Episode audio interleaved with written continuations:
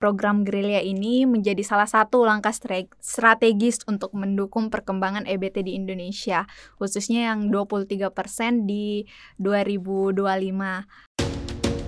Stay tune di ISR Bicara Energi. Halo Sobat Esensial, semoga tetap sehat di mana pun berada. Kembali lagi di podcast ISR Bicara Energi bersama saya Isbisa Fitri. Di episode kali ini spesial kita akan membahas tentang program gerilya. Nah untuk sobat esensial nih yang baru pertama dengar gerilya Sebenarnya gerilya itu apa sih? Uh, jadi gerilya adalah gerakan inisiatif listrik tenaga surya jadi Gerilya ini merupakan uh, studi independen yang disiapkan oleh Kementerian Energi dan Sumber Daya Mineral untuk diimplementasikan pada uh, Merdeka Belajar, Kampus Merdeka atau MBKM Kementerian Pendidikan Kebudayaan, Riset dan Teknologi. Dan program ini juga menjadi salah satu upaya pemerintah begitu ya untuk mencapai target bauran nasional pada tahun 2025 dan harapannya program Gerilya ini turut uh, berkontribusi dalam akselerasi pencapaian target bauran energi terbarukan sebesar 23% di tahun 2025. Uh, setelah diluncurkan pada tanggal 13 Agustus 2021 oleh Menteri ESDM dan Mendikbudristek, antusiasme mahasiswa untuk mengikuti program ini sangat besar. Uh, berdasarkan data yang ISR dapat begitu ya dari 634 pendaftar yang berhasil lolos seleksi untuk batch pertama hanya 52 orang saja jadi kurang lebih uh, kurang dari 10% gitu ya untuk periode September 2021 sampai dengan Januari 2022. Jadi tidak berlebihan rasanya kalau kita bilang 52 orang ini adalah orang-orang yang terpilih dan empat di antaranya saat ini magang di SR. Nah penasaran kita sapa dulu nih ya. Halo semuanya.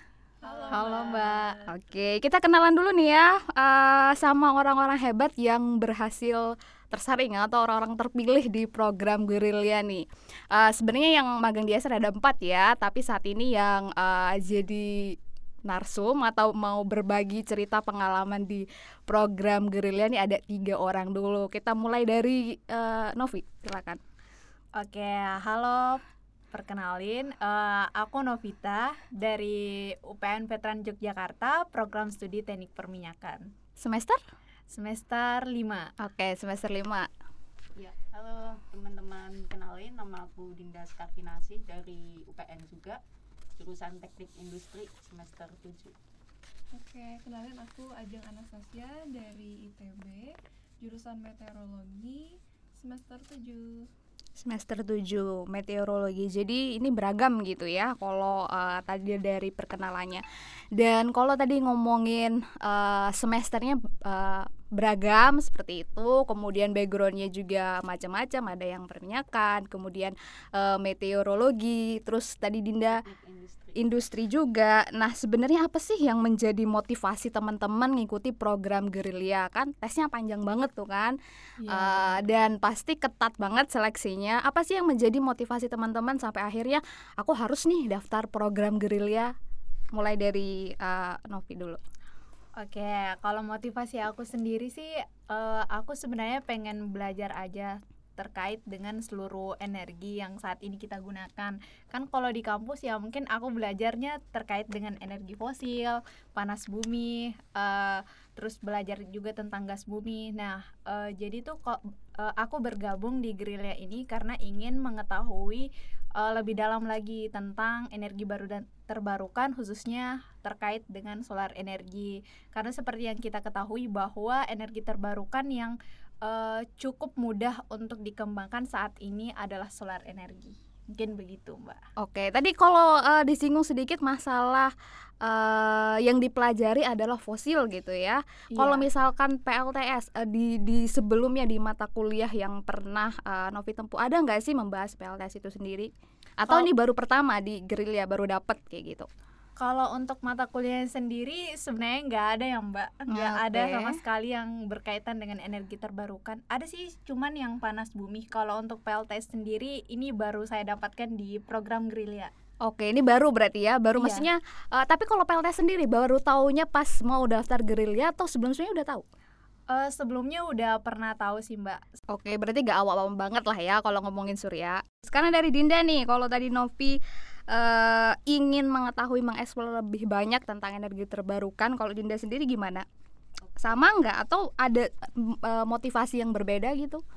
Uh, kalau dari saya itu kurang lebih sama ya seperti Novi, tapi uh, di sini kita mengacu pada perkembangan green job bahwasanya green job itu kan lagi istilahnya lagi banget ya lagi tinggi tingginya yang dibutuhin uh, untuk dunia uh, pekerjaan hijau atau yang berbasis dengan pembangkit listrik yang istilahnya renewable energy itu lagi sangat dibutuhin sekarang di Indonesia maupun di uh, luar negeri jadi kenapa sih aku lebih memilih uh, gerakan inisiatif listrik tenaga surya untuk ikut di kampus Merdeka ini dibandingkan dengan uh, kampus Merdeka di bidang lain gitu. Jadi lebih uh, pasarnya lebih bagus gitu untuk masa depan dan untuk nanti setelah lulus kuliah untuk pekerjaannya gitu sih Mbak.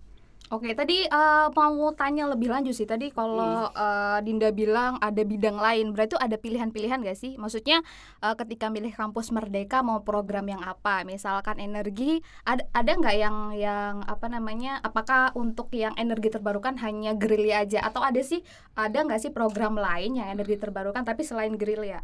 Oke, kalau yang dari saya tahu ya itu yang untuk renewable energy setahu saya baru gerakan inisiatif listrik tenaga surya gitu. Oh, baru yang gerilya ya yang iya, yang isunya tentang energi terbarukan iya, gitu ya. Betul. Makanya uh, Dinda mau daftar program ini seperti iya. itu. Sebenarnya tadi menarik kalau ngomongin green job ya. Nanti kita akan uh, bahas lagi tentang green job yang udah disebutkan Dinda. Oke, okay, sekarang kita pindah lagi sama Ajeng. Tadi uh, kalau uh, Dinda dengan dengan green jobnya gitu ada nggak sih motivasi lain dari Ajeng uh, terkait kenapa akhirnya uh, bergabung gitu ya di program ini?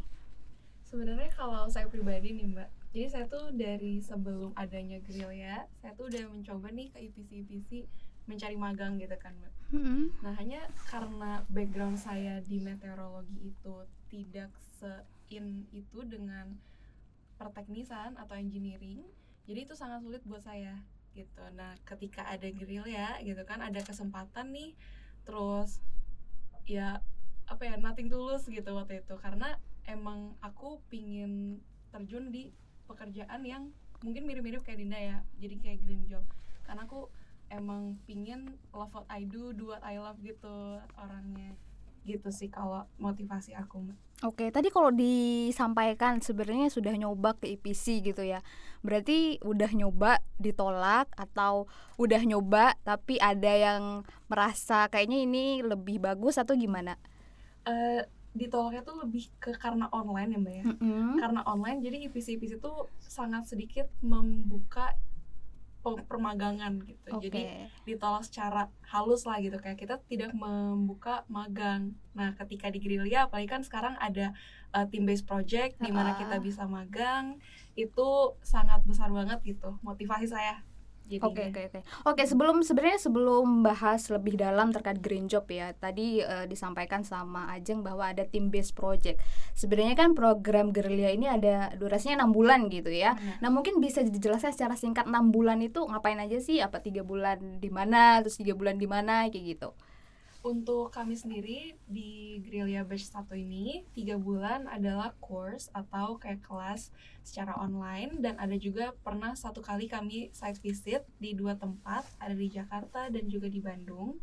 Dan tiga bulan setelahnya itu kami melakukan team based project atau secara kasar disebut magang gitu ya. Tapi di dalam suatu tim dan kami memiliki tujuan-tujuan tersendiri seperti begitu yang harus dicapai di tim based project itu. Nah, kalau tadi sempat uh, dari motivasi-motivasi yang sudah disampaikan oleh teman-teman nih ya, saya kan nangkepnya ada uh, energi terbarukan, terus kemudian pekerjaan hijau juga, terus uh, saya nangkep uh, teman-teman lebih aware dan dan kalau beberapa berdasarkan beberapa artikel gitu ya yang saya baca bahwa saya kalau kita ngomongin generasi milenial gen, generasi Gen Z kayak gitu ini Gen Z semua ya iya, Oh ya Gen Z, oke. Okay. Nah kalau ngomongin Gen Z, mereka itu lebih lebih tertarik gitu ya, lebih aware, lebih peduli dengan isu-isu lingkungan. Salah satunya pekerjaan hijau, kemudian juga kalau misalkan ada produk nih, kalian lebih milih yang yang hijau. Pokoknya yang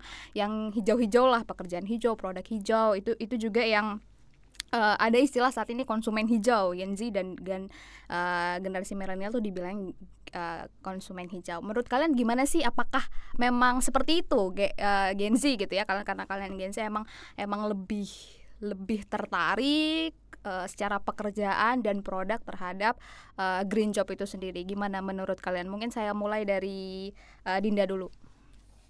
Uh, saya pribadi ya itu emang tingkat awarenessnya belum bisa disamaratakan. Jadi belum bisa uh, semuanya pemuda itu belum tentu ten, belum tentu aware terhadap uh, yang berbau-bau green gitu. Jadi uh, perlu adanya sebuah pendidikan atau sebuah materi yang di mana itu lebih um, memicu untuk pemuda itu untuk lebih memikirkan yang berbau lingkungan atau yang uh, green job gitu.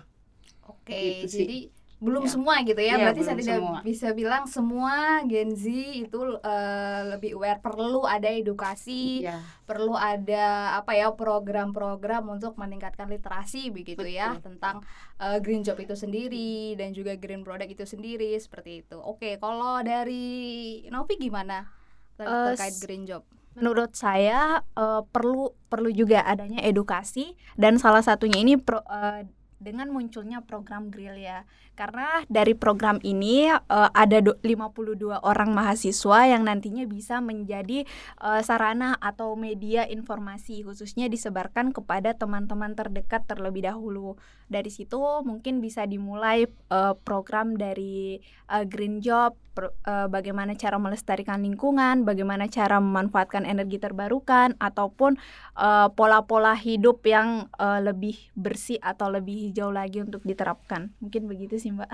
Oke oke oke. Baik berarti hampir sama gitu ya. Masih butuh uh, lebih banyak program lagi uh, untuk meningkatkan literasi dan juga awareness dari Gen Z dan Gen X itu sendiri gitu ya, ya. Supaya sama gitu ya. Kadang kalau kita ngomongin uh, masalah green job mungkin tidak semua mahasiswa yang seumuran kalian kayak gitu ya bisa mendapatkan akses termasuk akses program ini seperti itu. Saya nggak yakin apakah uh, semua uh, mahasiswa seperti itu ya uh, tahu tentang program-program uh, yang mendukung tentang green job itu sendiri. Oke, kalau Ajeng sendiri gimana? Atau ada pendapat lain tentang green job? Hmm, untuk green job, kalau misalnya Mbak bilangnya Gen Z gitu ya, mm -hmm. saya sebagai salah satu dari Gen Z, kalau saya sendiri saya setuju, di mana uh, makin sini banyak orang yang lebih aware, banyak orang yang lebih tahu informasi. Kita kan banyak banget nih di Instagram, di Line, uh, mouth to mouth dan sebagainya gitu kan ngomongin tentang hal-hal yang lebih baik untuk lingkungan kita gitu kan. Karena yang merasakan dampak dari industrial tuh ya anak-anak sekarang yang jadi mahasiswa gitu kan yang Gen Z gitu. Nah, uh, cuman kalau bisa dibilang seluruh saya setuju sama dua teman saya tadi itu belum karena menurut saya tahapan kita sekarang adalah tahapan kita sharing awareness kepada satu sama lain di mana kita itu ingin a better future for everyone kayak gitu. Oke, menarik ya. Uh, kalau tadi udah uh, ngomongin tentang green job, tapi rencana kalian nih ke depan gitu ya. Kalau misalkan uh, berkarir gitu berkarir maunya yang yang berbau atau uh, hijau yang energi relate atau atau gimana atau kalian pengen enggak lah enggak enggak yang energi maksudnya yang hijau-hijau juga tapi bukan yang energi kayak gitu gimana siapa dulu nih menjawab Ajeng okay, mungkin dipersilakan. Oke, okay, silakan Ajeng. Kalau aku aku pengen banget sih masuk ke dunia energi gitu, Mbak.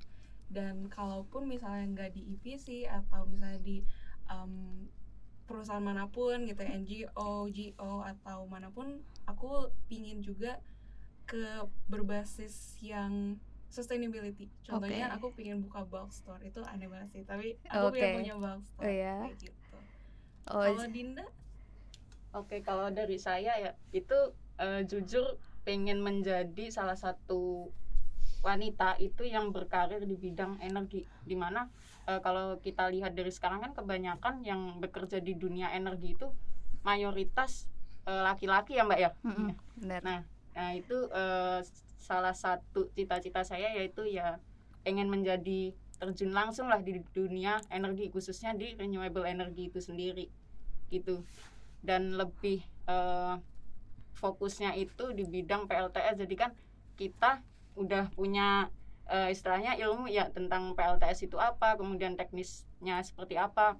Sayang aja kalau misal nanti karirnya itu uh, nyari dunia yang berbeda atau uh, istilahnya ngulang dari nol lagi belajarnya. Jadi uh, kalau dari saya milih pembangkit listrik tenaga surya sih. Oke, wah keren banget kalau uh, Dinda nih ya langsung PLTS dan tadi kalau sebenarnya saya sepakat ya kalau bilang bahwasanya isu-isu uh, energi masih didominasi oleh laki-laki seperti itu. Kalau biasa kita hmm, hadir di acara-acara webinar atau apa pun itu biasanya level eksekutif itu masih didominasi oleh laki-laki dan biasanya ya tuh bilangnya manalis ya gitu karena hampir semua laki-laki dan dan harapannya juga sobat esensial nih yang dengerin podcast ini ya juga semakin banyak yang tergerak yang mau terjun uh, di isu-isu energi supaya keterwakilan perempuan dalam energi itu seimbang seperti itu. Oke, selanjutnya saya mau ke Novi. Gimana Novi? Uh, kalau dari saya sendiri, uh, kalau kita berbicara tentang untuk karir ke depannya kan mm -hmm. uh, ada short term sama long termnya.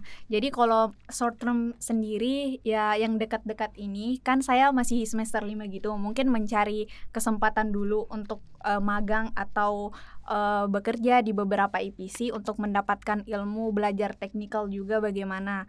Uh, selanjutnya kalau misalnya untuk long termnya sendiri, uh, sejujurnya saya pengen uh, membangun sebuah perusahaan kayak punya uh, impian gitu uh, punya perusahaan energi terbarukan tapi dia itu uh, fokus di bagian energi terbarukan. Tidak hanya mengerucut di PLTS uh, tapi dia itu punya uh, uh, punya orang yang masing-masing ahli di bidangnya. Karena seperti yang kita ketahui bahwa Indonesia kan punya banyak sekali nih. Salah satunya bukan hanya energi surya tapi punya juga uh, energi uh, angin atau mikrohidro yang cukup besar begitu. Jadi uh, kalau menurut uh, yang saya baca-baca sekarang belum ada perusahaan yang seperti itu jadi mungkin ke depannya uh, berencana seperti itu, Oke, Mbak. Oke, baik. Nanti kita tunggu ya, teman-teman. Novi 5 sampai 10 tahun ke depan jadi CEO. Oke, Amin. Gitu. Kita, kita tunggu aja. Oke, uh, kalau tadi ngomongin masalah uh, program gerilya, terus green job seperti itu. Uh, saya ingin tanya tantangan dan kesulitan teman-teman yang dihadapi selama mengikuti program gerilya. Kalau tadi uh, kalau Novi kan udah ada bekal gitu ya, walaupun tidak terlalu mendalam. Saya saya tadi uh, gak tanya sama Dinda dan juga Ajeng apakah teman-teman uh, sudah ada bekal sebelumnya tentang tentang PLTS atau ini sesuatu yang benar-benar baru baru tahu PLTS itu ketika magang. Jadi banyak tantangan dan kesulitan yang dihadapi itu seperti apa? Siapa dulu nih uh, di, Dinda, Novi, Ajeng. Oke, okay, uh, eh, mungkin dari aku dulu ya, Mbak. Oke, okay, silakan. Uh, tadi kan ditanya juga ya di awal motivasi.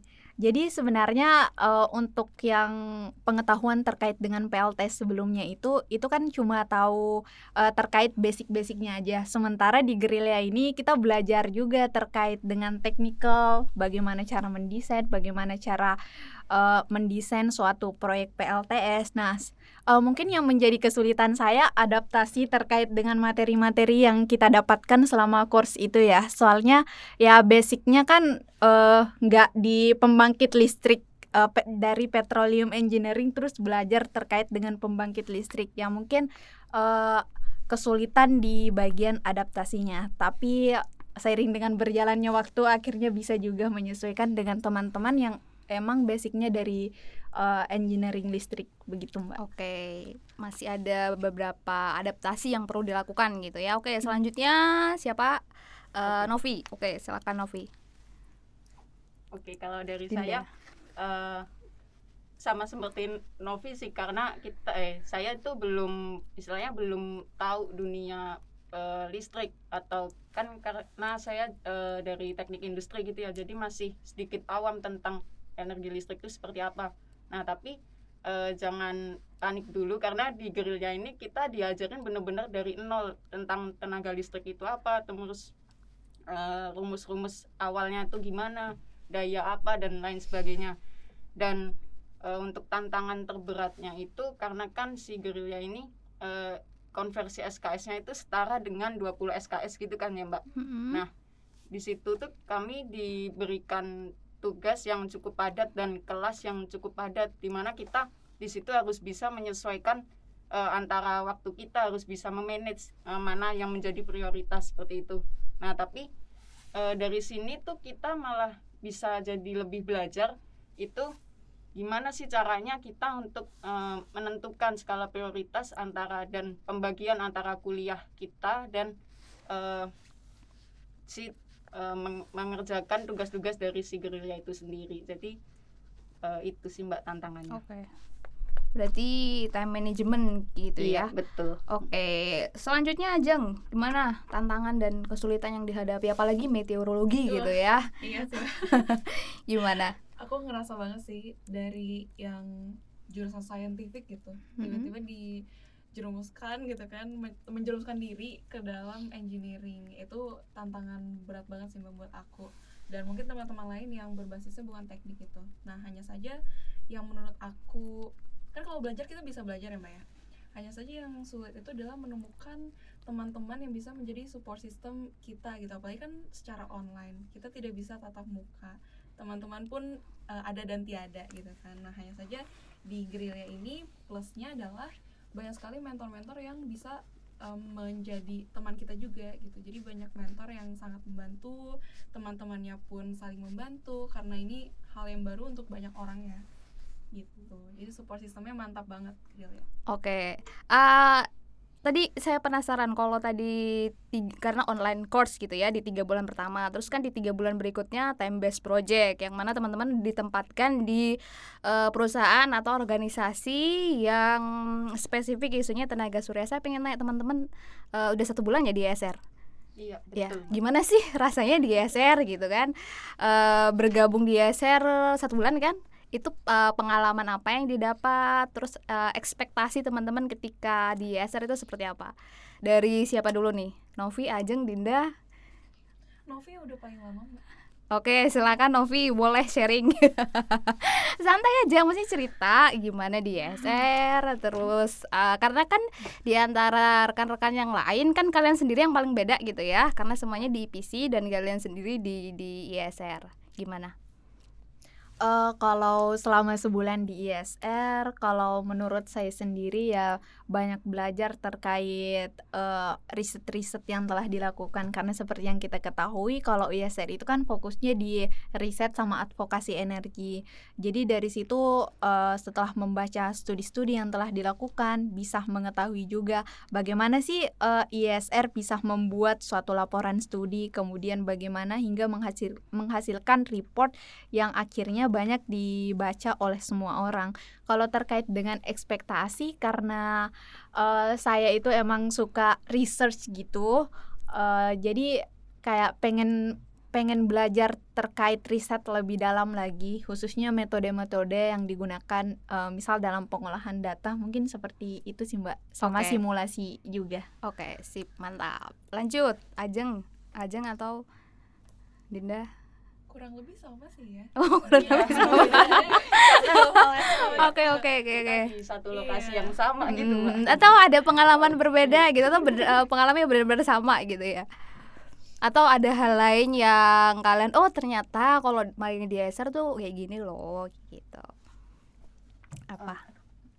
Uh, uh, mungkin dari saya deh Mbak nambahin. Iya, ya, silakan. Uh, kalau dari saya eh, nggak uh, ekspektasi sih bakal ditaruhnya di ISR gitu kan yeah. padahal yang lainnya tuh ditaruhnya di IPC IPC yeah. nah dari sini aku tuh belajar bahwa uh, ternyata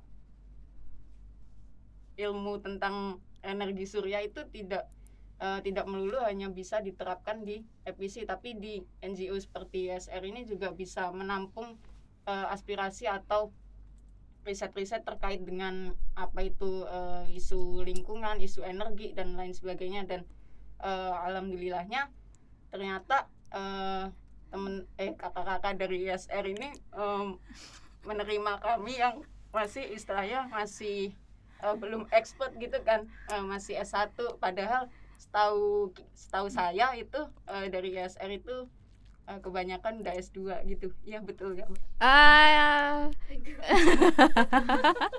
ya betul dan tidak. Ada Iya. sebagian rekan-rekan magang yang uh, baru lulus S1 kayak gitu. Gitu sih. Dan oh ya ada lagi nggak?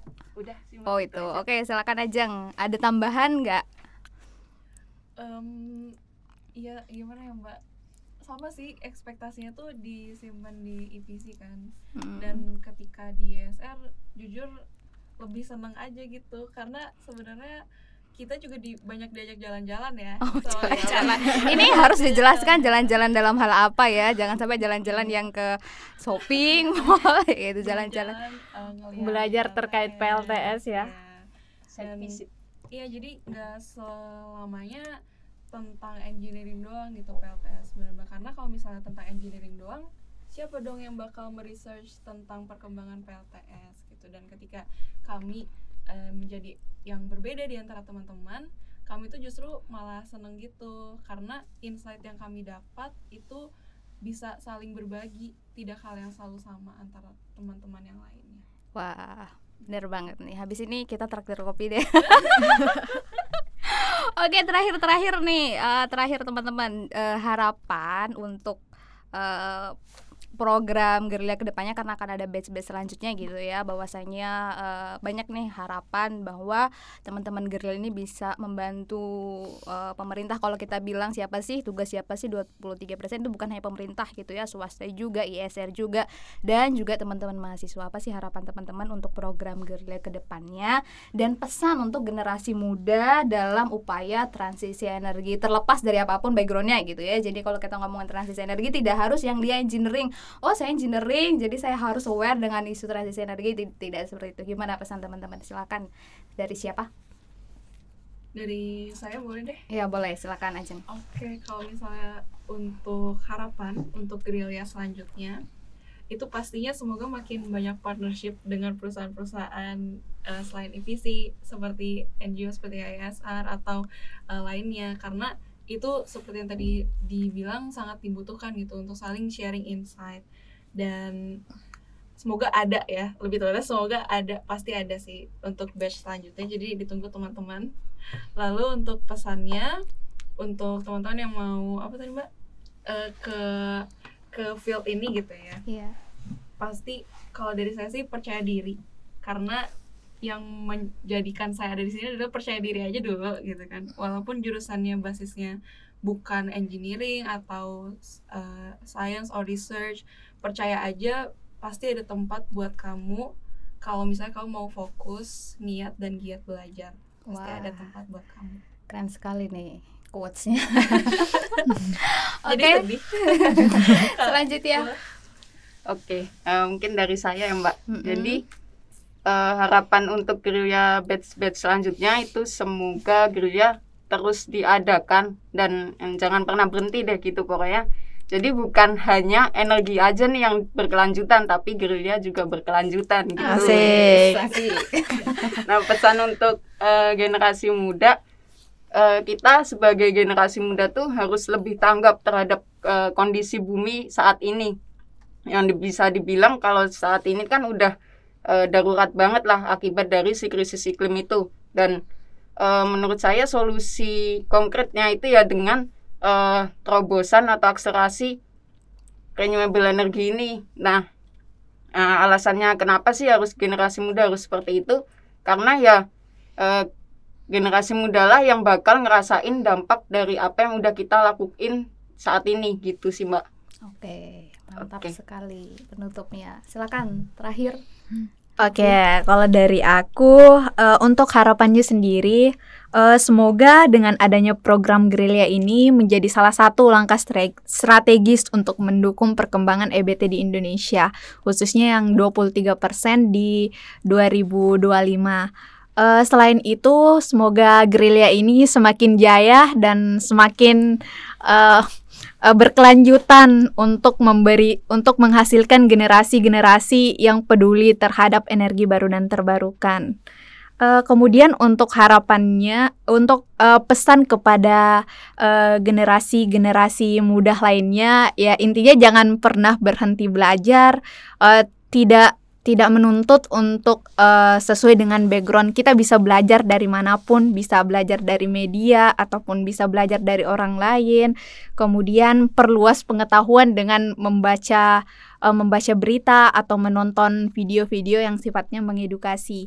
Uh, untuk uh, quotes terakhir dari saya mari bersama kita wujudkan pengembangan energi bersih untuk Indonesia yang lebih baik lagi Sebab kalau bukan kita, siapa lagi yang mau mewujudkan hal tersebut? Oke, tepuk tangan dong, tepuk tangan. Boleh nambahin kan ini? Oke, sedikit.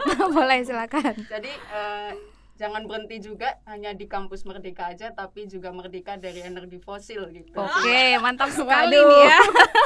mantap merdeka sekali. dari energi fosil. Kita tunggu tahun berapa Indonesia bakal merdeka dari energi fosil. Baik, terima kasih teman-teman Girlia untuk sharingnya dan tidak terasa ini udah ngobrolnya 30 menit gitu ya. Mungkin kalau mau ngobrol lagi kita bisa buat sesi selanjutnya. Terima kasih atas sharing uh, pengalaman menjadi gerilyawati di program Gerilya yang yang saat ini magang di ISR. Semoga semakin banyak generasi muda yang berkontribusi nyata dalam usaha transisi energi di Indonesia dan semoga juga semangatnya sama seperti tiga Sri Kandi yang saat ini menjadi narasumber kita pada sore kali ini ya. Terima kasih atas waktunya. Dan untuk sobat esensial yang ingin mengetahui update terkini begitu seputar isu-isu transisi energi dan tematik energi, terus ikuti sosial media ISR di Instagram ISR at isr.id, di Twitter ISR at ISR dan YouTube ISR uh, ISR Indonesia. Sekali lagi terima kasih sampai jumpa di episode-episode berikutnya. Assalamualaikum warahmatullahi wabarakatuh.